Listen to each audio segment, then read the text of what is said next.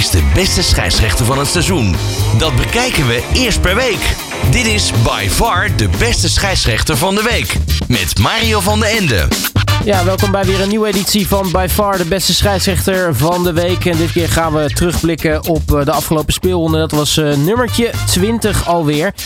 Ja, in het weekend uh, waarin uh, twee toppers werden gespeeld. Dat was natuurlijk altijd een uh, leuk weekend, ook arbitrair gezien. En we gaan dit keer niet naar de overkant van mijn desk, maar naar de telefoon. Want ja, Mario, hele goede morgen. Jij zei al, ik weet nu hoe een vaatdoe zich volgt, dus, voelt, dus dat gaat niet helemaal lekker. Ja, je vroeg morgen hoe gaat het? Nou, toen, ja, toen zei ik dus ja, als een vaatdoek, dan weet ik hoe een vaatdoek zich voelt. Nee, het is uh, ja, geveld door de griep. Dus als mensen denken dat hun, uh, ja, een, een, radio of, uh, of iPad kraakt, dan kan het zijn dat ik het ben. Dus niet gelijk in paniek raken. Ja. oh, hartstikke mooi. Uh, nou ja, afgelopen weekend, ik zei het al even, een weekend van twee toppers. We hadden natuurlijk PSV, of Ajax PSV en we hadden natuurlijk ook AZ Feyenoord. kon jij je vroeger altijd wel verheugen op zo'n weekend als scheidsrechter? Ja, tuurlijk. Want dat, ja, dat zijn toch de, ja, zoals ze dat dan mooi zeggen, de kerst op de taart. Hè, dat je dan gewoon in de, de Nederlandse topwedstrijden aangesteld wordt. Ja, en uh, zeker in de tijd uh, dat ik zelf nog floot. En dan bijvoorbeeld in de jaren, halverwege de jaren 90, maar ook eind jaren 80. Ja, toen waren natuurlijk de, de Nederlandse topclubs, dat waren ook Europese top. dus ik, ik, kan me nog wel eens herinneren dat ik bijvoorbeeld een Ajax PSV of PSV Ajax sloot. Ja, dat ze een paar maanden later opdraven in de Europese finale. Dus toen was het niveau uh, vaak ook nog, nog, nog iets hoger dan, dan wat je nu had. Dan, ga ik dus niet echt naar het niveau van wedstrijden kijken, maar gewoon ook de wedstrijden waarop de spelers actief waren. Kijk, als je gewoon de, de snelheid in de wedstrijden ziet en de fitheid van de spelers, heb ik het idee dat hij toch wel iets, iets vooruit is gegaan. Maar zeker in die tijd was dat ja, gewoon hartstikke, hartstikke goed om mee te maken en hartstikke mooi om mee te maken. Als we dan naar het afgelopen weekend kijken, wat, wat zijn de momenten die jou zijn opgevallen?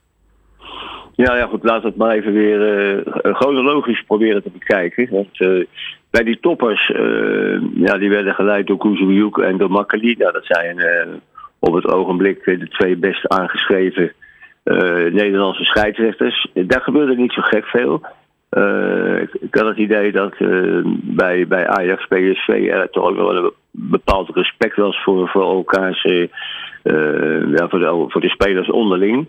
Bij AZ Feyenoord was het, was het wat minder. Dat kwam ook een beetje dat, dat Danny Makkely in het begin van de wedstrijd ja, een, een hele vreemde beslissing nam toen de AZ-speler dreigde door te breken en hij de, bal de andere kant op gaf. En toen zag je dus duidelijk heel veel irritatie in het spel bij AZ komen. En, en de eerste 10, 15 minuten had de arbitrage ja, alle uh, ja, alle moeite om, uh, om de boel bij elkaar te houden. Dat is gelukkig wel gelukt, omdat er ook uh, terecht wel twee gele kaarten werden uitgedeeld. Maar toen dacht ik van ja, het moet natuurlijk niet zo zijn dat de scheidsrechter het lont in het, in het gaat steken. Maar dat zeg ik om na, na een kwartier, twintig minuten, appte dat weg.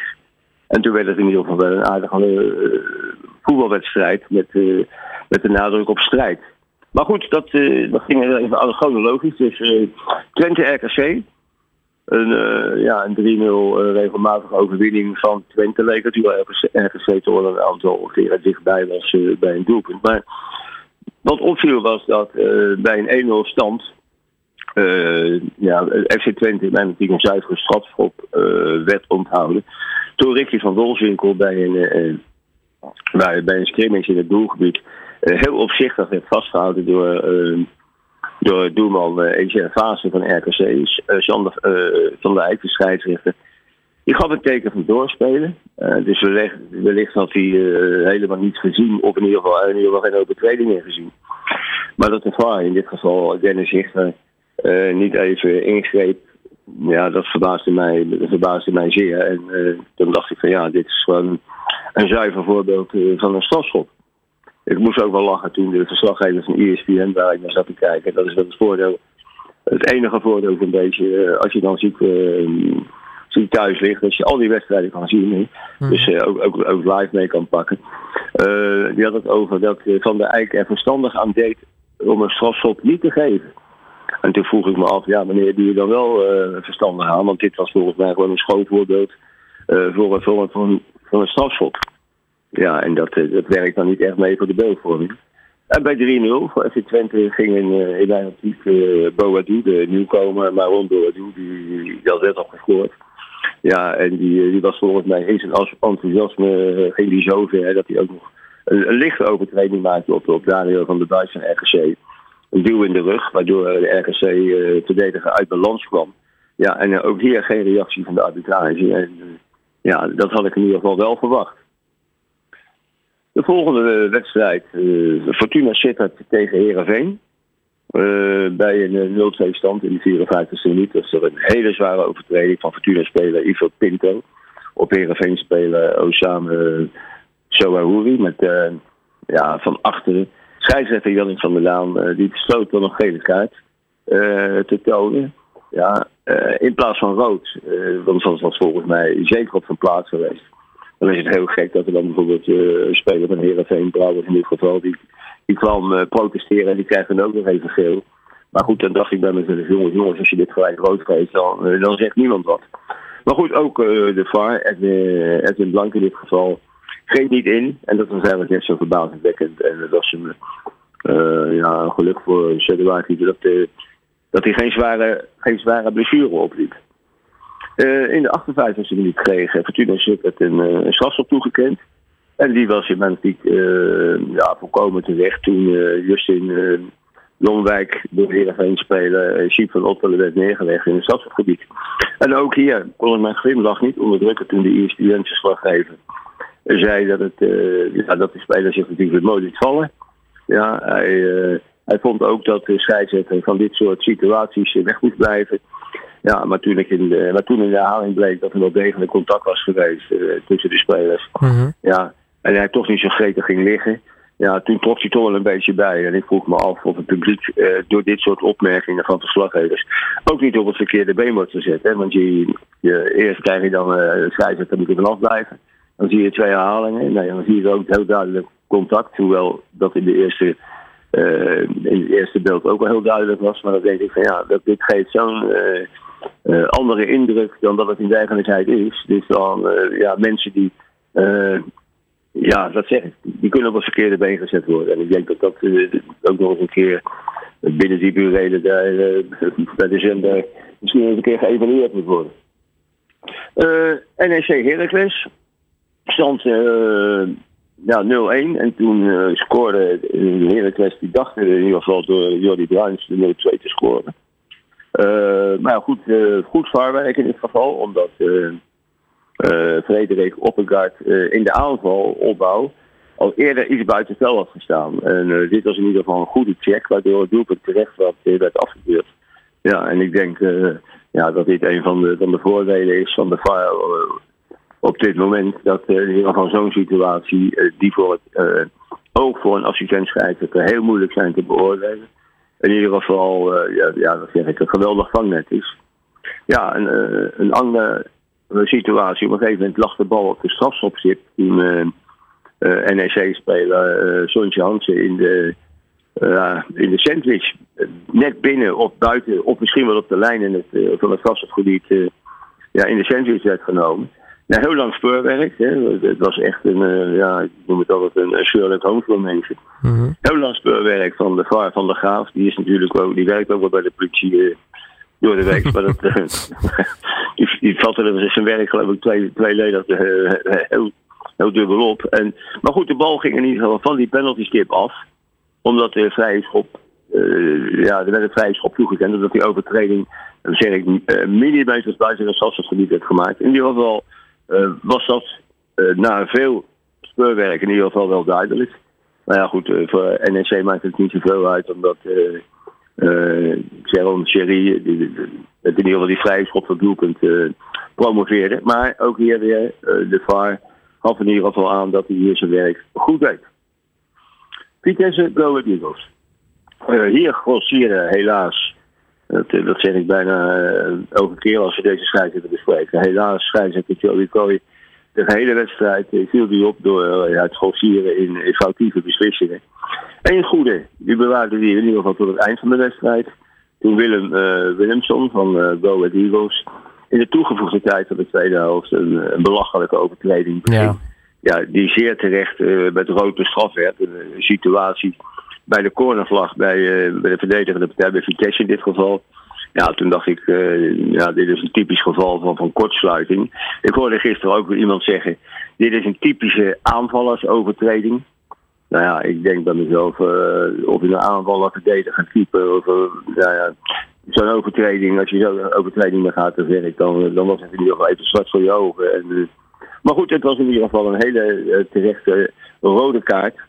Ja, en eerder in de, in de wedstrijd was er een opmerkelijke situatie toen uh, Enzo Cornelissen van Vitesse uh, dreigde door te breken. Alleen het doelman, uh, de doelman van Gallet ja, dreigde af te gaan. Maar goed, hij kreeg in ieder geval een duw in de rug van Jamai Yamova, die, ja, die in mijn optiek toch wel aan, aan, een rode kaart ontsnapte. Omdat hij het ja, Cornelissen een, een duidelijke scoringskans ontnam. Maar ja, goed, ook, uh, ja, toen dacht ik bij mezelf van hoe is het mogelijk dat en de scheids en de VAR hier niet op de lijn komen. Wat dan wel door mijn uh, gedachten uh, gaat, is dat er wellicht eens een keer moet worden nagedacht in Zeist over de inzet van scheidsrechters in het weekend. Uh, Kooi floot deze wedstrijd, maar hij was zaterdagavond, was hij ook vierde official bij Ajax PSV. Nou ja, dan denk ik van, ja, koud, koud weer. Hè. Het was een graad of 6, 7. Dan sta je daar de hele wedstrijd op je benen. Uh, ja, je, je, moet het, de emoties kanaliseren. Je bent laat thuis. Je moet ook weer vroeg op, omdat die wedstrijd in Arnhem natuurlijk uh, ja, om, om, om, kwart over twaalf op het programma staat. Nou ja, ik, ik, ik, heb het idee dat dat niet de meest ideale voorbereiding is voor scheidsrechters. En dan, uh, als je dan zelf, ja goed, je weet dat Vitesse onderaan staat. En dat die alles moeten doen om, uh, ja, om in de eredivisie te blijven. Dan denk ik dat je de, de scheidsrechter in ieder geval een, eh, een wat rustigere voorbereiding op zo'n wedstrijd gunt. En ik, uh, daar zet ik dan sterk mijn vraagtekens bij. Een wedstrijd ook die, die, die wel spectaculair was. Uh, FC Utrecht tegen Volendam. Uh, daar floot Allard Windhout met Ingmar Oostrom achter het vaar, scherm. Mm Nou ja, goed, die, die VAR die kwam, uh, ja, die moest wel in actie komen, omdat bij de 0-1 Milan de Haan van Volendam. Ja, voor, bijna iedereen overduidelijk binnen het Utrecht uh, aan de arm werd getrokken. Ja, niks aan de hand. zij Lindhout, en wat mij verbaasde was dat ook uh, Oostrom dus niet ja, op de lijn kwam, omdat dit voor, in mijn geval was dit een, een 100% strafschop. Uh, er werd ook in de rust uh, door de analist van dienst, dat was uh, Gert-Jan van Beek, werd dat aangehaald. En die zei ook van, ja, je, je moet wel gevoetbald hebben. Om te weten als je, dat je aan je arm getrokken wordt, dat je in ieder geval uit je evenwicht bent. En toen dacht ik van, ja, gelukkig zijn er dus ook nog mensen die, die dat begrijpen. En, en die, die niet gaan roepen van hij gaat makkelijk liggen of hij gaat vergeten naar de grond. Dit was gewoon het vasthouden van en een strafschop. Nou ja, de 2-1 werd gescoord Utrecht. En ja, daar kan je als VAR niks aan doen, maar wel de, de arbitrage zeggen dat ze toch beter opvallen moeten letten. De 2-1 die kwam voort uit een, een hoekschop die geen hoekschop was. Die werd gegeven en toen dacht uh, en Gens, uh, of de assistent scheidsrechter en scheidsrechter dat die bal nog wat aangeraakt. Maar dat was hij heel duidelijk, dat zag je in de herhaling niet. Maar ja, goed, een, eh, een VAR mag niet optreden als, ja, in dit soort gevallen. Dus ja, dan, kan je niemand, eh, tenminste de VAR kan je het in ieder geval niet verwijten. En de 0-1 van van Zek Boef, die kwam voort uit een ja of nee hensbal.